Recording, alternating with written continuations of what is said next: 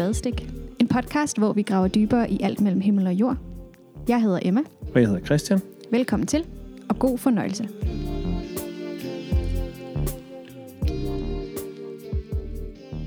Jamen, velkommen til øh, tredje sæson af Spadestik. Det er øh, en ny sæson, og der er mange nye ting i, øh, i gang. For det første så har vi, som du måske har set på Facebook, øh, sagt øh, farvel til Ulrik. Ulrik er jo en øh, fyr, der har gang i rigtig mange ting, og som knokler rigtig meget. Og øh, derfor så, øh, desværre, øh, er der ikke lige så meget tid til spadestik. Så vi skal sige tak til Ulrik, fordi at, øh, han har været god til at øh, lave podcast sammen med mig, synes jeg. Og øh, fordi han er en arbejdshest, der laver det mest, så nu er det mig, der skal overtage mange af de ting, som han lavede. Lad os se, hvordan det går. Men så skal vi også sige velkommen til dig, Emma, som er med for første gang. Tak. Øhm, Emma, du er jo øh, en god ven, og vi kender hinanden fra alle mulige ting. Øhm, kan du ikke lige præsentere dig selv lidt?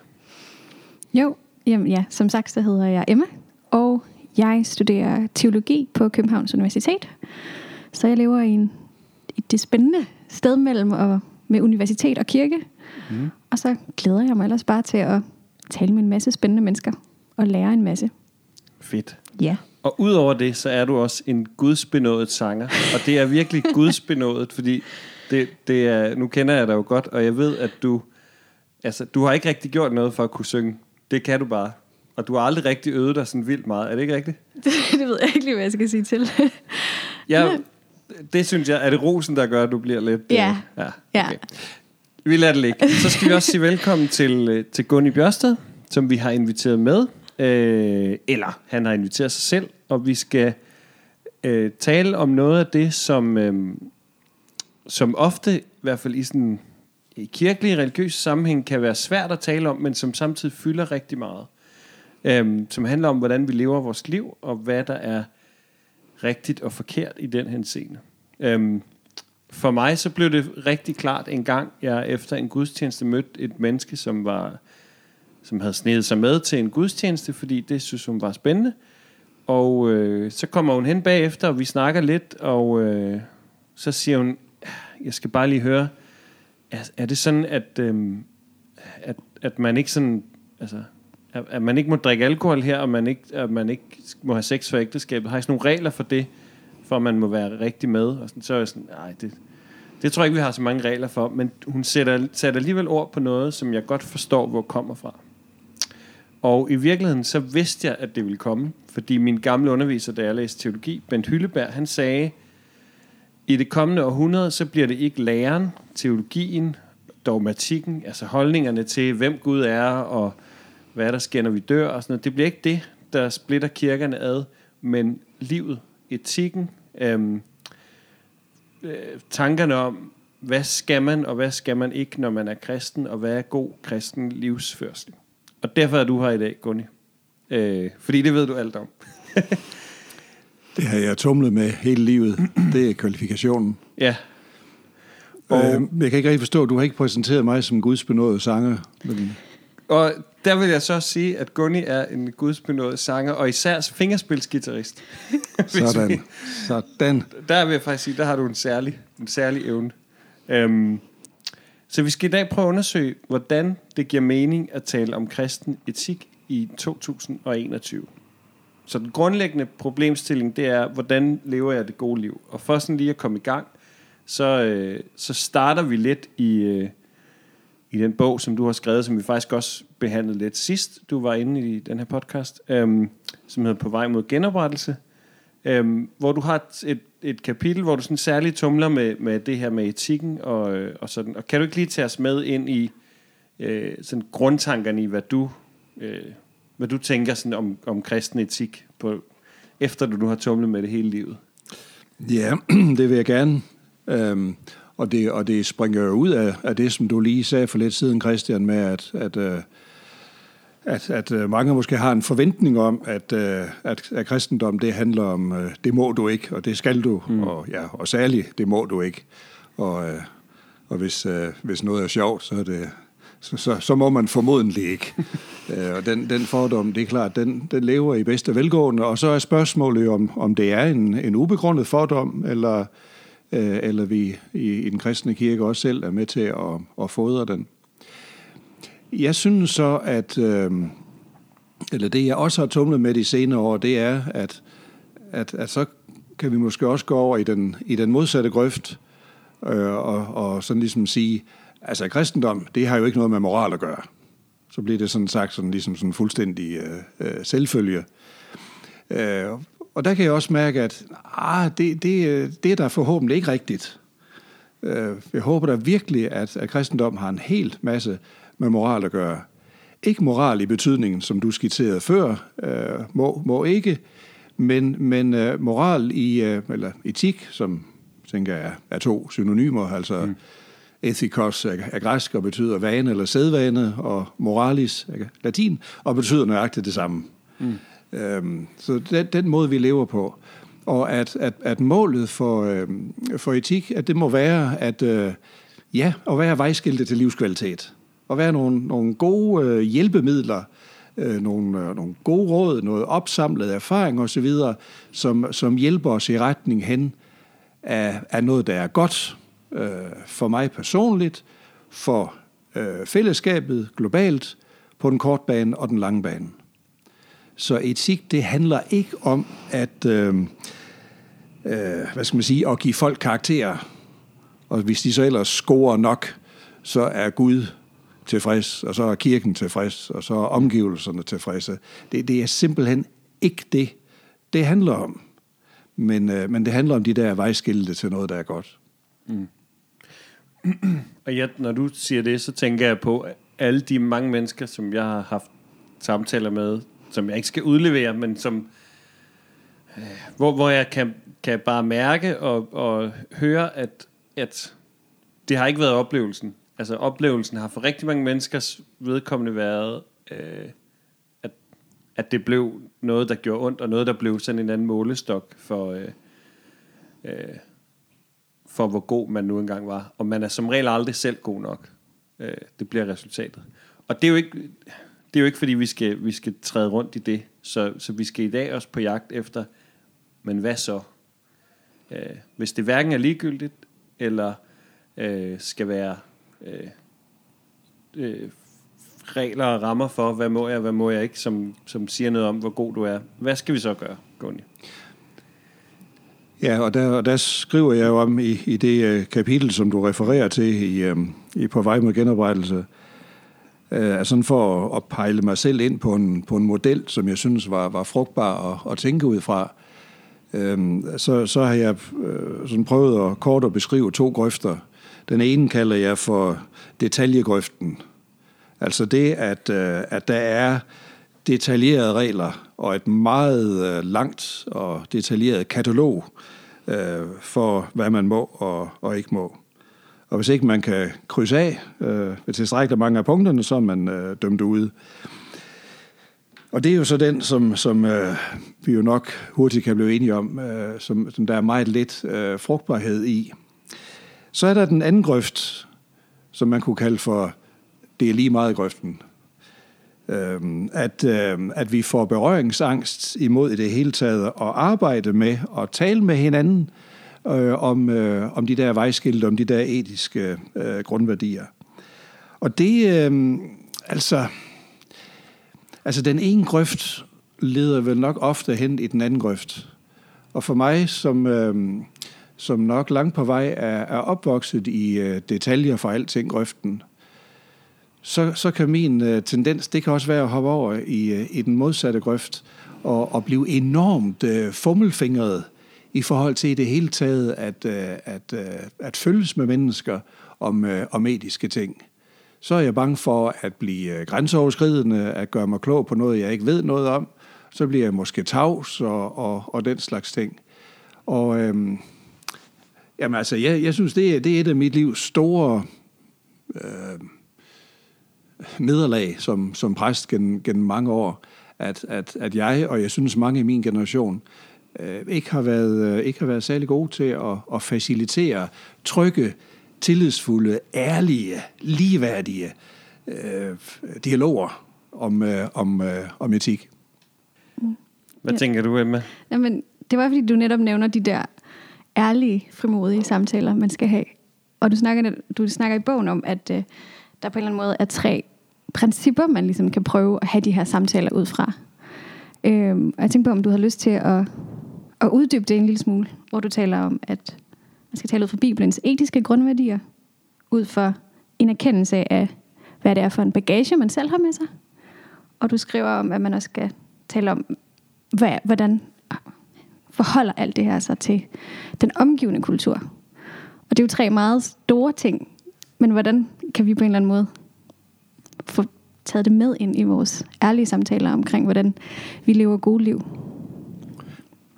Jeg tænker, at, at, at det første øh, og, og alt afgørende udgangspunkt, det, det er, at vi, er, at vi gør os bevidste om, at vores øh, holdninger og reaktioner på det etiske område, at, at de er meget farvet af vores øh, personlige bagage og den, og den øh, kontekst, som vi, er, som vi er vokset op i. Bare det at, at blive klar over det. Og det betyder ikke, at man nødvendigvis skal forkaste det. Det, det, det, det er jo ikke sikkert. Øh, det betyder heller ikke, at man nødvendigvis skal følge det. Men man lige skal, hov, hvad, hvad er skidt og kanel her? Hvad, hvad er der egentlig liv i? Eller hvad øh, var der liv i for to generationer siden?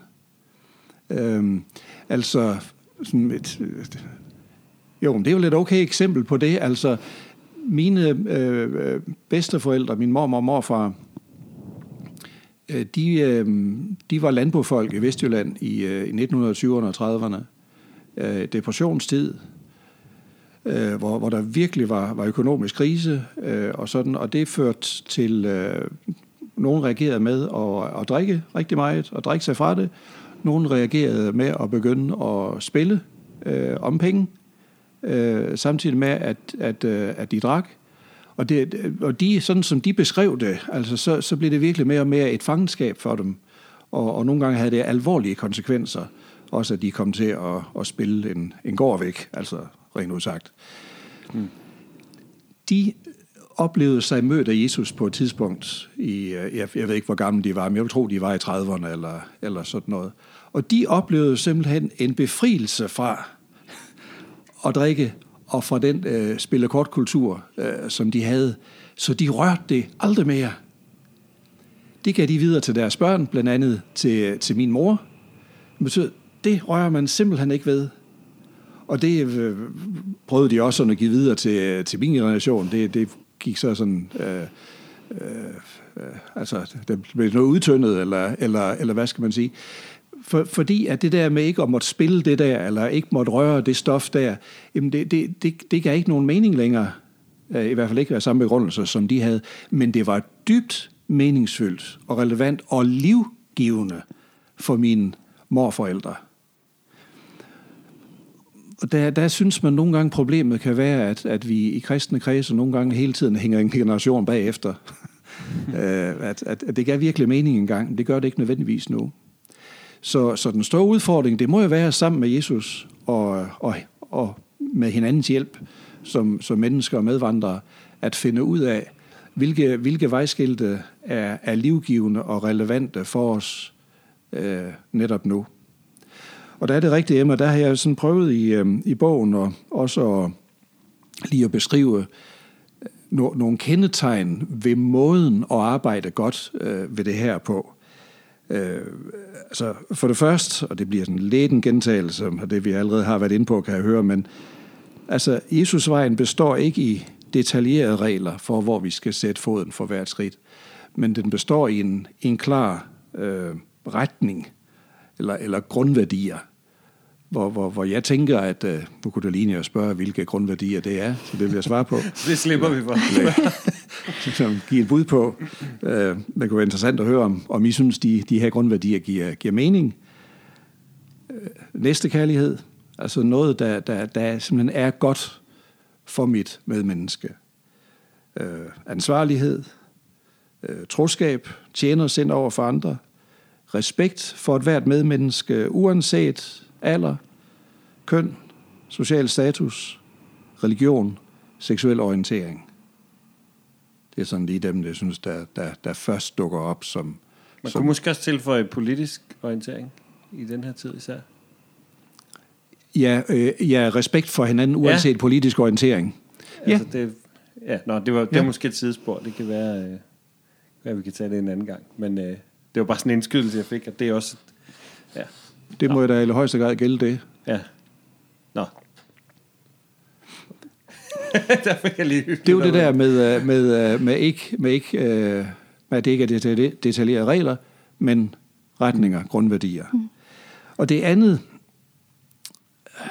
som jeg, åh, det synes jeg altså godt nok er, er blevet vigtigt, det er, at, at der er en adfærd på den der Jesusvej, der er helt udelukket. Nemlig at fradømme andre Jesus efterfølger retten til at være på vejen. Også selv om de træffer andre etiske valg, end jeg gør. Øh, og det, øh, jamen det tror jeg også, jeg nogle gange i, i min fortid, i hvert fald følelsesmæssigt, har været med til at gøre. Det kan også være, at jeg gør det stadigvæk. Altså, man så lige sådan tænker i sit eget indre, nå, når hun gør sådan, ja, altså, ved du hvad, det, hun, hun, hun, hun, er, vel næbetroende. Øh, og, øh, og det er der altså grund til at problematisere den, øh, den følelse der. Man kan jo godt være rygende uenige og, og have brug for at, at diskutere, altså, men det er noget andet. Men så er det som hinandens medvandrere på Jesusvejen, hvor vi ikke dømmer hinanden ind og ude, men vi prøver på at hjælpe hinanden til at få øje på de gode vejskilte. Jeg, tror, jeg tænker, der er meget i det der. Det er jo det, som Ben Hylleberg sagde, ord- satte ord på. Ja, Øhm, og jeg, jeg vil bare sige, at han fik ret. Altså, det, det må man sige. Øhm, hvad tænker du om, om værdierne, Emma? Har du, kan du købe dem? Ja, det synes jeg godt, jeg kan. Øhm, det synes jeg faktisk godt, jeg kan. Og jeg synes også, der er, en, der er, også, der er også lidt værdi, du også lidt nævner. Men måske ikke en af de helt store værdier, men, man, men du nævner pragmatisme. Og der er måske også nogen, der vil sige, at det måske også på sigt kan blive en form for udvandring. At man kan være pragmatisk. Jeg har i hvert fald nogle gange hørt nogen, der har sagt, jamen så ligner, kommer vi jo bare til at ligne resten af verden. Så ligner vi bare alle andre, hvis vi bliver hele tiden på en eller anden måde skal være pragmatiske i forhold til resten af verden. Ja. Og den verden, vi lever i. ja. Men er det, ser du det som en fare, eller er det faktisk måske egentlig meget godt?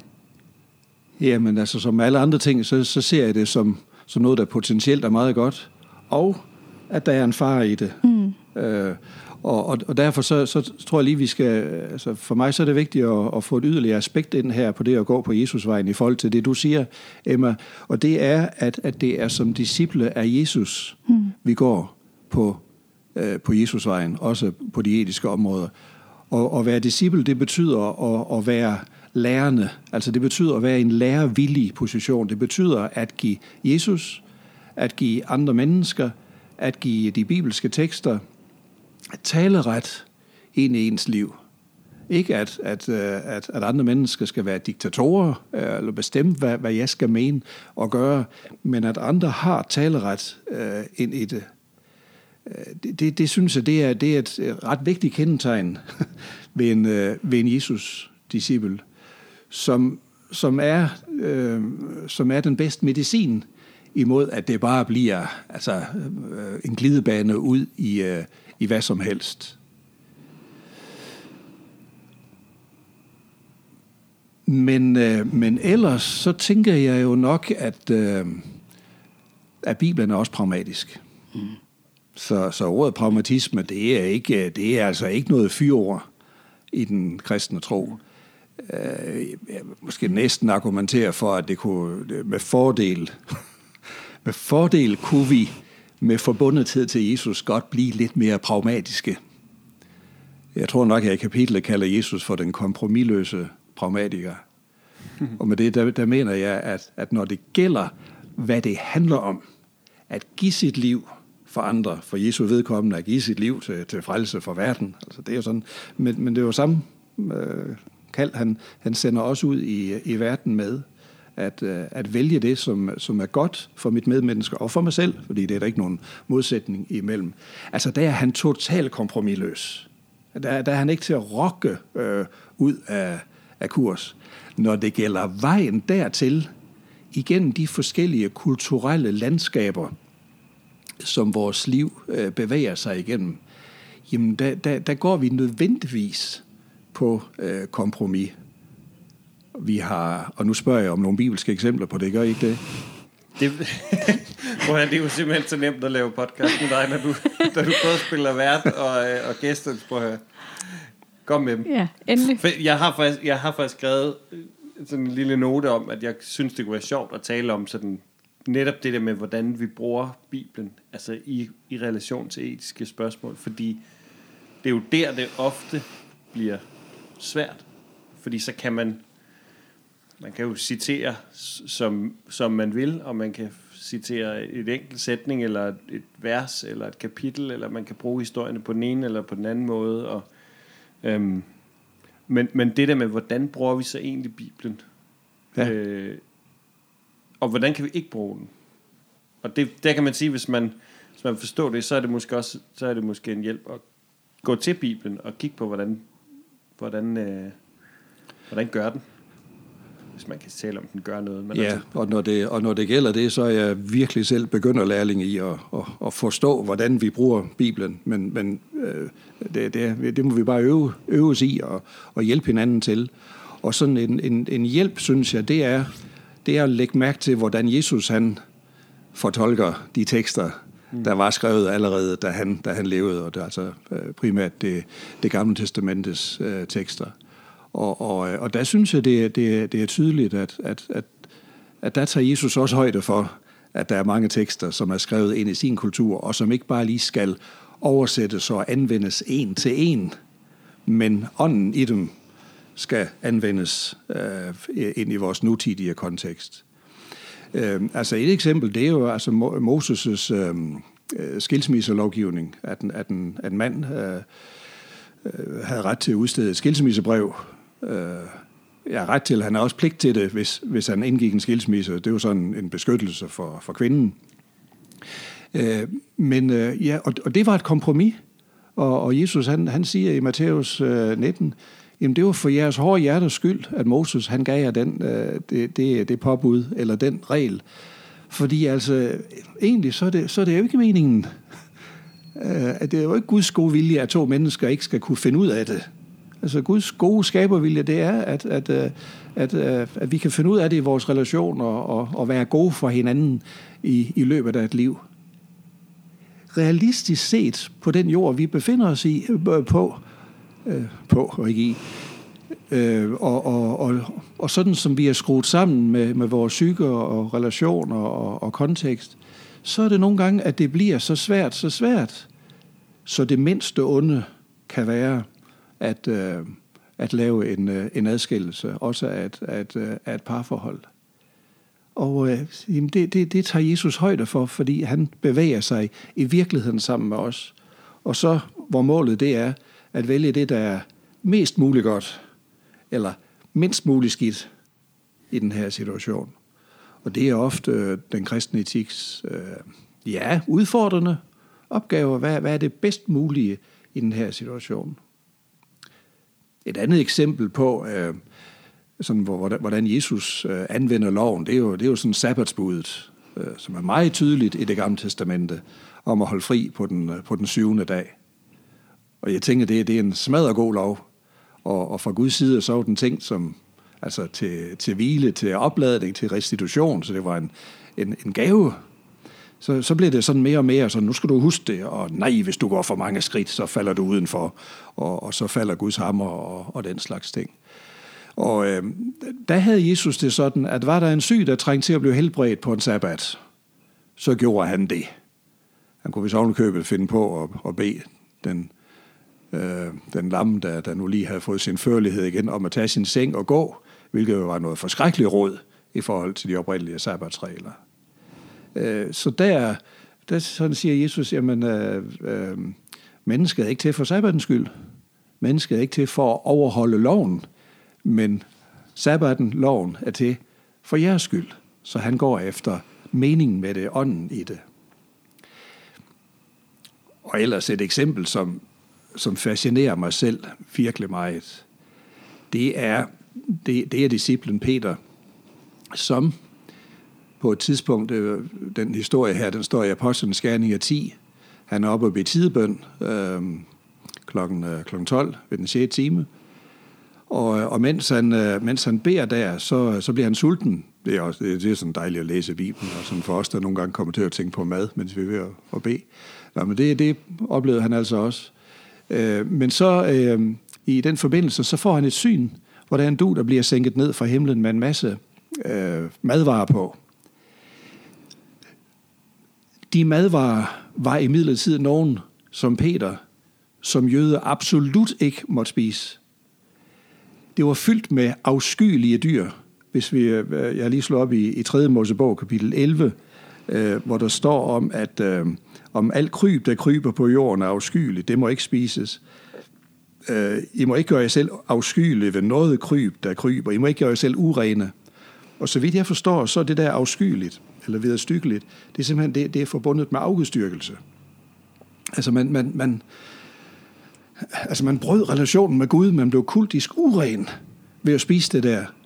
Nu får Peter under, sin, under sit syn Øh, øh, øh, en tiltale om, at han skal tage og spise de der afskyeligheder. Og han siger meget naturligt, altså ikke på nogen måde her, jeg har aldrig rørt ved sådan noget. Tag nu og spis, lyder den der stemme fra oven, som han skønner er, er Guds stemme, er, er Helligåndens stemme. Altså der leder Helligånden simpelthen en, en disciple ind i en ny praksis, selvom det bogstav for bogstav er noget modsat af det, som han hidtil havde lært. Øhm, det er det samme med omskærelsen for øvrigt. Paulus, han, han var helt klar på, at jamen, altså, det der med at blive omskåret, som det lå i den jødiske lov, det var ikke kriteriet for at blive en kristen. Og, og det slogs han, han virkelig for, at, øh, at sådan skulle det ikke være. Samtidig så læser vi afsted i Apostlenes Gerninger 16, at en af hans medarbejdere lod han omskære af hensyn til jøderne.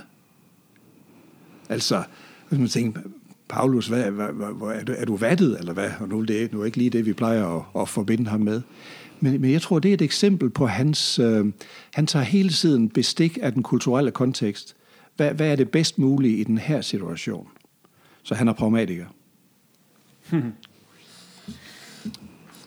Ja, det er, det er nogle spændende tekster, og jeg, jeg kommer lidt til at tænke på en gammel øh, episode, vi havde, hvor vi havde, øh, vi havde Pete Ans med, øh, som, jo, som skrev rigtig meget om det her. Det er også bare en anbefaling, hvis man vil dykke ned i, hvordan øh, Paulus og Jesus, de, de forholder sig til, til skriften, og hvordan de, han kalder det kreativt, hvordan de, de bruger øh, et gammelt testamente enormt kreativt for at give det nyt liv. Øhm, men det er jo godt nok, tænker jeg, en måde at læse Bibelen på, som øh, det, det er svært at finde ud af, hvad skal vi så? Hvad mener vi så om A, B, C og D?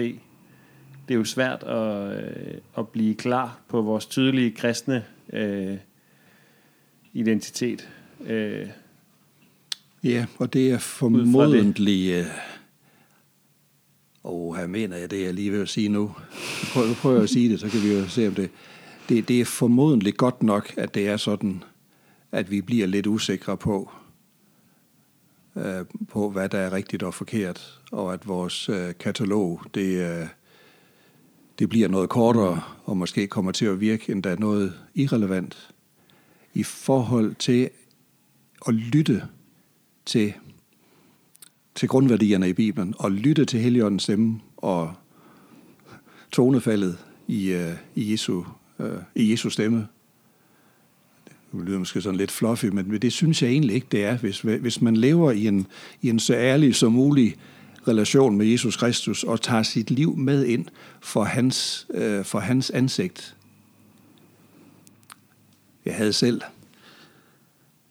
jeg, jeg, jeg, havde, en, øh, jeg havde en erfaring øh, påskedag om aftenen her, hvor jeg var ude og gå en tur i skoven, så, øh, så overhaler jeg nogle, nogle mennesker, som, øh, ja, det gjorde jeg, fordi de gik noget langsomt og lidt sådan gangbesværet, og gik med, med stok og, og sådan på et... Øh, da jeg kom sådan lidt forbi eller liv, så kom jeg i tanke om, hov, ja, ja, ja, egentlig, så, så har vi haft en relation, ja, ja, jeg kendte dem egentlig sådan lige godt så kunne jeg lige mærke sådan et, et, et, et så kunne jeg sådan lige mærke, hey, jeg gider, jeg gider simpelthen ikke lige at snakke med dem. Øh, der, der var sådan lige en eller anden, øh, og det var sådan lige på grund af nogle sådan erfaringer, eller, eller sådan, så jeg, jeg gik videre uden at give mig til kende, og de, de var optaget af at styre deres stokker og sådan, så jeg tror ikke, de, de øh, øh, genkendte heller ikke mig. Da jeg sådan øh, var kommet nogle hundrede meter væk, så kan jeg godt sige dig, så blev der sort inden i mig. Jeg, jeg, jeg, jeg oplevede en bedrøvelse og en, og en, og en skamfuldhed. Og, og jeg tror virkelig, altså, jamen altså nogle gange så tænker jeg, om ikke heligånden, det er, det er ligesom antabus i forhold til, til alkohol. Altså, at, at, altså heligånden i forhold til, til synd. Altså når jeg laver noget, som er ude af trit med Jesus indlag, øh, at, at så kommer der en reaktion. Og det her, det var påske der om aftenen, og om formiddagen har jeg stået i min kirke, og, og blandt andet, øh, jeg har citeret noget, som Ole Lundegård har skrevet øh, sted om at, at leve i opstandelsen, og at det er at være hos den syge og sårede, og det er at vælge øh, den vej med solidaritet med skaberværket. Det har jeg stået og prædiket om om formiddagen så om aftenen, så drøner jeg forbi nogle mennesker, der der ganske givet ville have haft glæde af, at jeg stoppede op og sagde, hej, det er måske så lidt indbilsk, det, men det, men jo, men det tror jeg godt, vi kan gå ud fra som mennesker, at vores medmennesker, de, øh, de har brug for os. Mm. ikke? Altså det, det er lige et eksempel på, at øh, altså, det står jo ikke i noget katalog. Jeg har jo ikke syndet i forhold til noget her i, altså, i katalogsyndet. Men, men reelt set, i forhold til Guds riges værdier, så var det godt nok noget af et kiks. Hmm.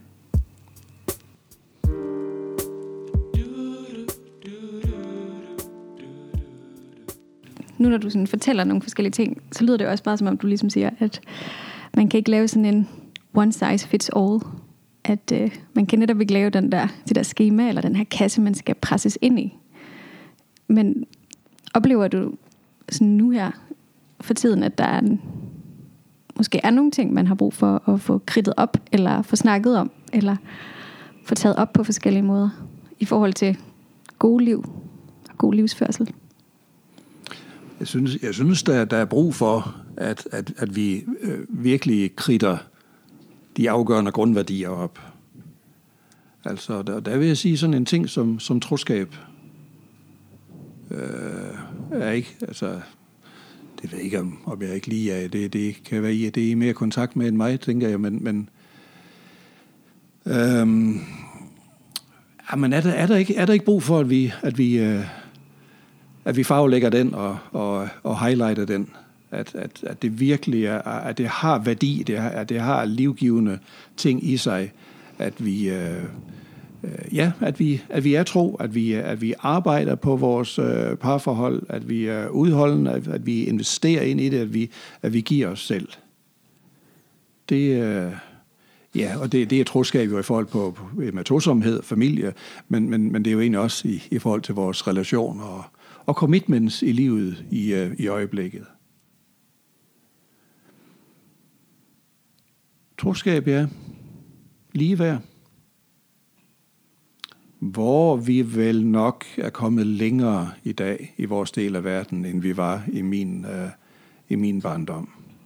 Det tænker jeg måske nok.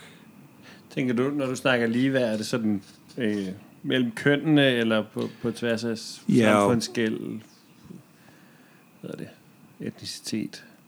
Ja, det er det, er det jeg, jeg tænker. Det er det hele. det, det, det, det er det hele, ja. Øh, og, og det er jo en konstant udfordring ikke? Altså mm. virkelig at, at, øh, at møde sit, uh, sit medmenneske med, ja, på ligeværdigt niveau. Um, og hvor, hvor den kristne skabelsestro er sådan en gave til os, at, uh, at du er skabt i Guds billede, og jeg er skabt i, i Guds billede. Det er det, vi det, vi er fælles om. Så jeg har ingen grund til at tro, at du er bare er totalt meget mere værd end mig, og ingen grund til at tro, at du er totalt meget mindre værd end, uh, end mig. Men netop skabelsen har jo været... altså hvis nu vi for eksempel går ind i...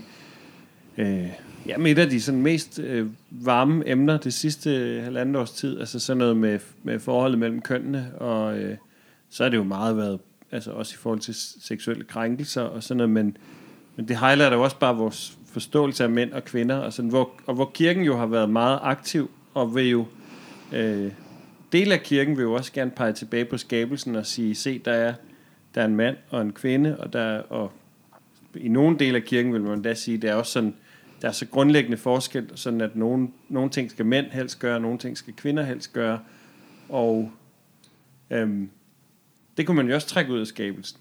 Altså, og man kunne også trække ud af skabelsen, at øh, kvinden kommer ud af manden. Så, så det kan godt være, at hun er lige meget værd, men hun er også på en måde lidt mindre værd.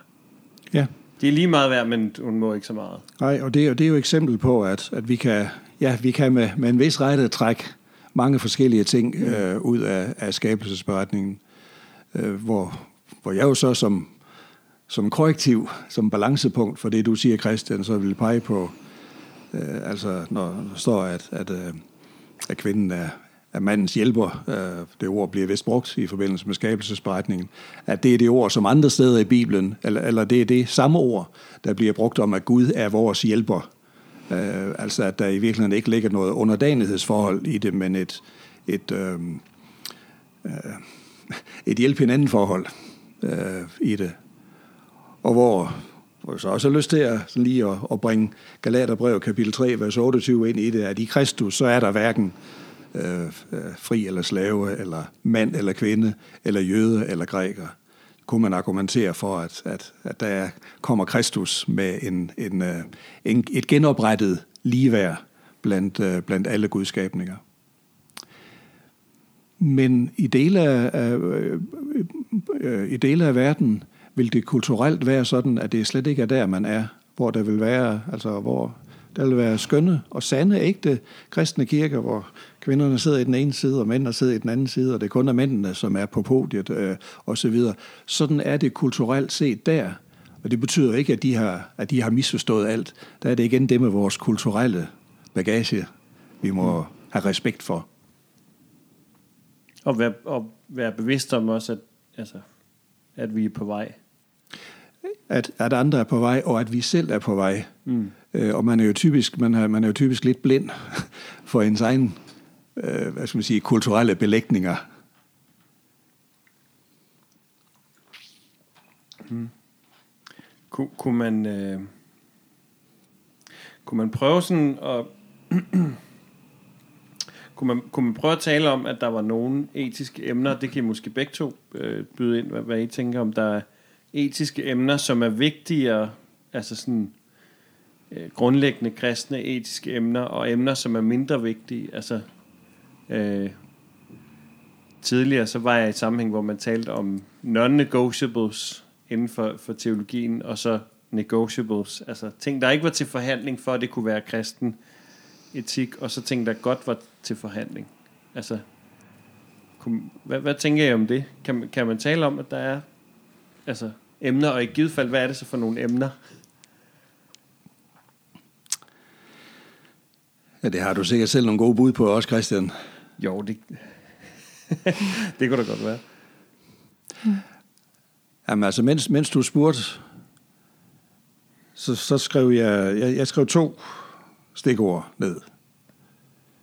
Øh, og det første ord, jeg skrev, det, det, er, det er solidaritet. Men det er også, øh, og når jeg siger det, så kan jeg jo mærke, at ja, det, det lyder jo meget godt, men, men, men vi, er jo, vi er jo heller ikke, vi sidder her som, som velfærdsdanskere, altså vi, vi er jo ikke i bund og grund solidariske med, øh, med fattige kulturer og medmennesker i andre dele af, af verden. Så, så rent principielt, så tænker jeg, så er det, så, så er det ikke til forhandling. Men, men, men i praksis, så, så, så er det det jo. Altså, øhm, det andet, jeg, jeg skriver op, det er, altså, det er, er livets, øh, livets ukrænkelighed. Altså livet som, som, som helligt. Som, som for mig også er en, er en, er en helt grundlæggende øh, ting. Fra, fra, fra undfangelse til, til, øh, til død. Men så igen, så er der nogle gange, der, der også er kristne, der, der drager i krig. Og øh, der bryder vi, altså, og, og kan være årsag til, at andre mennesker bliver, bliver, bliver dræbt. Og sådan helt ærligt, så, så når jeg sådan hører om 2. verdenskrig, og sådan, så, er jeg, så er jeg vel egentlig taknemmelig for, at, at der var nogen, der, der gik i krig mod, mod nazisterne. Og så, så er det her princip om livets ukrænkelighed allerede, mm. allerede til ud og, i stormvær. Og så kan man sige, at altså, det er jo så et, et mindre onde. Ikke? Ja, og, men der er vi netop inde i det der, øh, den der pragmatisme, etik, eller øh, princip. Og lige sådan også jo, når vi taler om med, med, med undfangelse og, og død, altså nu, øh, om, øh, om aktiv dødshjælp, som, som flertal af den danske befolkning, så vidt jeg forstår, øh, støtter nu og sådan, og hvor jeg personligt er rigtig øh, øh betænkelig ved det, fordi øh, men det siger ikke, at det er kristen etik. Jeg siger bare, at det, det er sådan ud fra mit lille begrænsede øh, synsfelt. Så, så er jeg bange for, at vi, vi skubber til noget her, øh, en, en, en grundværdi, som kommer til at, og, øh, at skubbe til mange andre ting. Har jeg lov til at være her, øh, når jeg ikke er produktiv for samfundet længere? Har jeg lov til at være her, når jeg bliver en besværlig en og, øh, og besøge? Øh, føler jeg egentlig, det vil egentlig være, det vil egentlig være lettere for, for mine relationer, øh, hvis, ikke, øh, hvis ikke de skulle passe på mig længere, når, når jeg bare sidder og savler og ikke, øh, og ikke øh, er til noget. Og lige sådan, det i vores kultur dybt, dybt følsomme emne øh, med, øh, i forhold til, øh, til, øh, til abort. Øh, hvor jeg også er, er hvor jeg tænker, at vi også som, som Jesus disciple er nødt til at, at tale ærligt, så skal vi huske det med det tillidsfulde, og, og øh, øh, altså at, øh, og at livet bestemt ikke er, er enkelt. Men hvor jeg tænker, at, at, at det der med livets ukrænkelighed, det, det er en, en meget afgørende grundværdi. Hvad tænker du, Emma? Nu har du fået lidt at gå efter. Ja, amen, amen, det, er jo, det er jo så kæmpestort et emne, og det er jo lige, hvordan man finder sådan de rette ord. Øhm, jeg tror, altså, noget jeg også lidt kommer til at tænke på, når du taler, Gunni, er også det der med, som siger, forskellen på, hvordan vi lever, og så måske også mere forskellen på, hvordan vi så agerer inden, for, inden i det liv, vi lever. Det kan godt være, at det bliver lidt lidt søgt det her. Men at, no, at nogle gange man kan sige, at kirken måske ikke har haft tendens til at ville diktere, hvordan vi agerer. Altså sådan, jeg kan for eksempel se, at sådan, det der med for eksempel at karikaturen på en kristen pige er, at hun er en pæn pige. En stille, rolig pige, som er pæn. Hvor man kan sige, jamen det er jo ikke, at det livsførsel. Er det god livsførsel at være pæn? Jamen, det er mere måske en måde at agere på. Hvor at nogle gange er det at leve et godt liv jo, at man ikke er pæn. I den der meget sådan karakteristiske måde.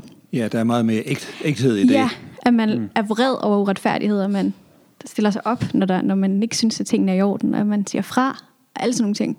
Og at man på en måde kan have proppet folk ned i sådan nogle, ikke nødvendigvis værdikasser, men mere sådan en, sådan her skal du agere kasser. Mm. Jeg ved ikke, om jeg er i gang med lige at skubbe det helt ud på et tidsspor nu, men at, øh, altså lige pludselig ikke de der store emner, store værdier, men så bliver det mere sådan nogle, nogle små skruer, man har, er i gang med at, sådan, at skrue på for, hvordan mennesker lever gode kristne liv. Sådan helt karikeret. Mm. Altså lidt den der, sådan, jeg har også hørt nogen sige, at jamen, kirkefællesskaber siger, kom som du er, og bliv ligesom os. At det der med, at kom her, og så presser vi dig ind i den her form, som vi ja. synes er den rigtige. Ja, jeg ved ikke, hvordan det nødvendigvis relaterer sig fuldstændig til det, du siger, Gunny, men det er bare sådan en ting, jeg kan mærke, der sådan sidder i mit baghoved, som sådan, ja, et menneske her i det 21. århundrede, som skal prøve at finde ud af, hvordan, hvordan navigerer vi, navigerer vi i, i alle de her kæmpe store emner. Jeg synes, det giver rigtig meget mening, Emma, det du, det du siger der. Mm. Ja. Og det er måske også okay, ikke nødvendigvis at have en, en holdning til alt. Eller sådan, Ja, ja og, ja. Så, og, stå, og, så, og så stå ved det. Ja, eller, ja. Ja. Og i virkeligheden har I det ikke også sådan, at, at, at de folk, I har lyst til at, at snakke med og ja, spørge til råds, hvis vi skal bruge det ord, det, det, det er i virkeligheden mennesker, som ikke øh, smider facitsvar i mm. hovedet på jer. Mm. Men det er også mennesker, som vil sige, okay, det her spørgsmål, det tumler jeg virkelig også med. Skal vi, skal vi snakke om det sammen? Skal vi eventuelt øh, skal vi læse nogle bibeltekster, eller øh, ikke? Altså, og, og Mm. øh, ja. Og Jeg, og jeg tænker også, det, det du snakker om der, jamen, det er jo virkelig, det er jo, det er jo, det er jo også der, hvor vi sådan, hvor vi sådan måske kommer til at misforstå lidt, hvad der egentlig er etik. Altså fordi om man er en, en pæn pige, eller jeg ved ikke, hvad det, hvad det modsatte, den modsatte karikatur er, øh, men om man er det, så, altså, det har jo ikke noget at gøre med etik, altså det har jo bare noget at gøre med, med personlighed, ikke? Så der bliver etik og normer og sådan noget, det, det bliver blandet sammen. Mm. Altså, jeg kunne også sådan, altså, i sådan en kirkelig kultur kan vi også komme til at tro, at det er altid altså øh, konflikter og diskussioner og, og store følelser, de er dårlige. Så det skal vi undgå. Så derfor så, lader vi, så, så træder vi passivt på hinanden, uden at sige noget, fordi det, vi har alle mulige eksempler, men det kunne vi sagtens komme til, fordi uh, vi må ikke, altså, for det er jo god kristen at være sød over for hinanden, og ikke sige nogen øh, svære ting. Øhm, men jeg, så det tror jeg da virkelig, altså, der er vi også inde og røre ved noget, som er, altså, som er virkelig relevant, synes jeg. Øhm, og der, der, der, er så mange, der er så mange emner, der presser sig på, og nu når vi sådan øh, tidsmæssigt det, vi plejer at have som, som ramme for det. Ikke? Fordi jeg kunne, altså, dels så havde jeg, da jeg læste matematik på lærerseminaret, så havde jeg en matematiklærer, som sagde, hun var den første lærer, jeg havde, som sagde det sådan, som virkelig som sådan en strategi, og som en måde at være lærer på, hun sagde, man kan ikke være lærer, hvis ikke man kan finde ud af at sige, det ved jeg ikke. Så kan man sige, det vil jeg gå hjem og undersøge, eller skal vi prøve at finde ud af det, eller hvordan kan vi finde ud af det sammen? Og det var altså matematik, det mest sådan faktuelle fag, du kan finde. Altså det var det mest firkantede fag. Um, hun sagde, det kan du bare sige. Og hun sagde det også, når vi havde undervisning, det ved jeg ikke. Og så sagde hun nogle gange, så siger jeg det, selvom jeg godt ved det. Fordi, fordi så på den måde, så, så inviterer jeg folk med. Og, mm. og der er måske virkelig, altså du sagde det med holdningerne, ikke? vi behøver måske ikke at have, den, have, have færdige holdninger til alting. Øhm, og vi må måske godt, øh, altså kristen etik bliver aldrig færdig, så det er altid en samtale, der er i gang, og det er en samtale, der godt kan rumme øh, gråzoner og kompleksitet, fordi jeg kan godt føle dig, øh, når nu vi taler om et, et sprængfarligt emne som abort, jeg kan godt føle dig på den ene side. Øhm, jeg, kan, jeg kan også godt se, at i vores samfundsstruktur, i forhold til at give kvinder nogle ordentlige muligheder øh, i vores samfund, fordi det nu engang er i, i deres krop, at børnene skal, skal gro, så kan jeg også godt se, jamen, hvad, hvad skal vi ellers? Hvordan kan vi ellers øh, skabe øh, ligestilling, som jeg personligt går ret meget ind for, øh, i forhold til det her tema? Så det er et svært emne, Det er det som vi gerne må øh, indrømme er svært og rummer flere, øh, flere facetter. Ja.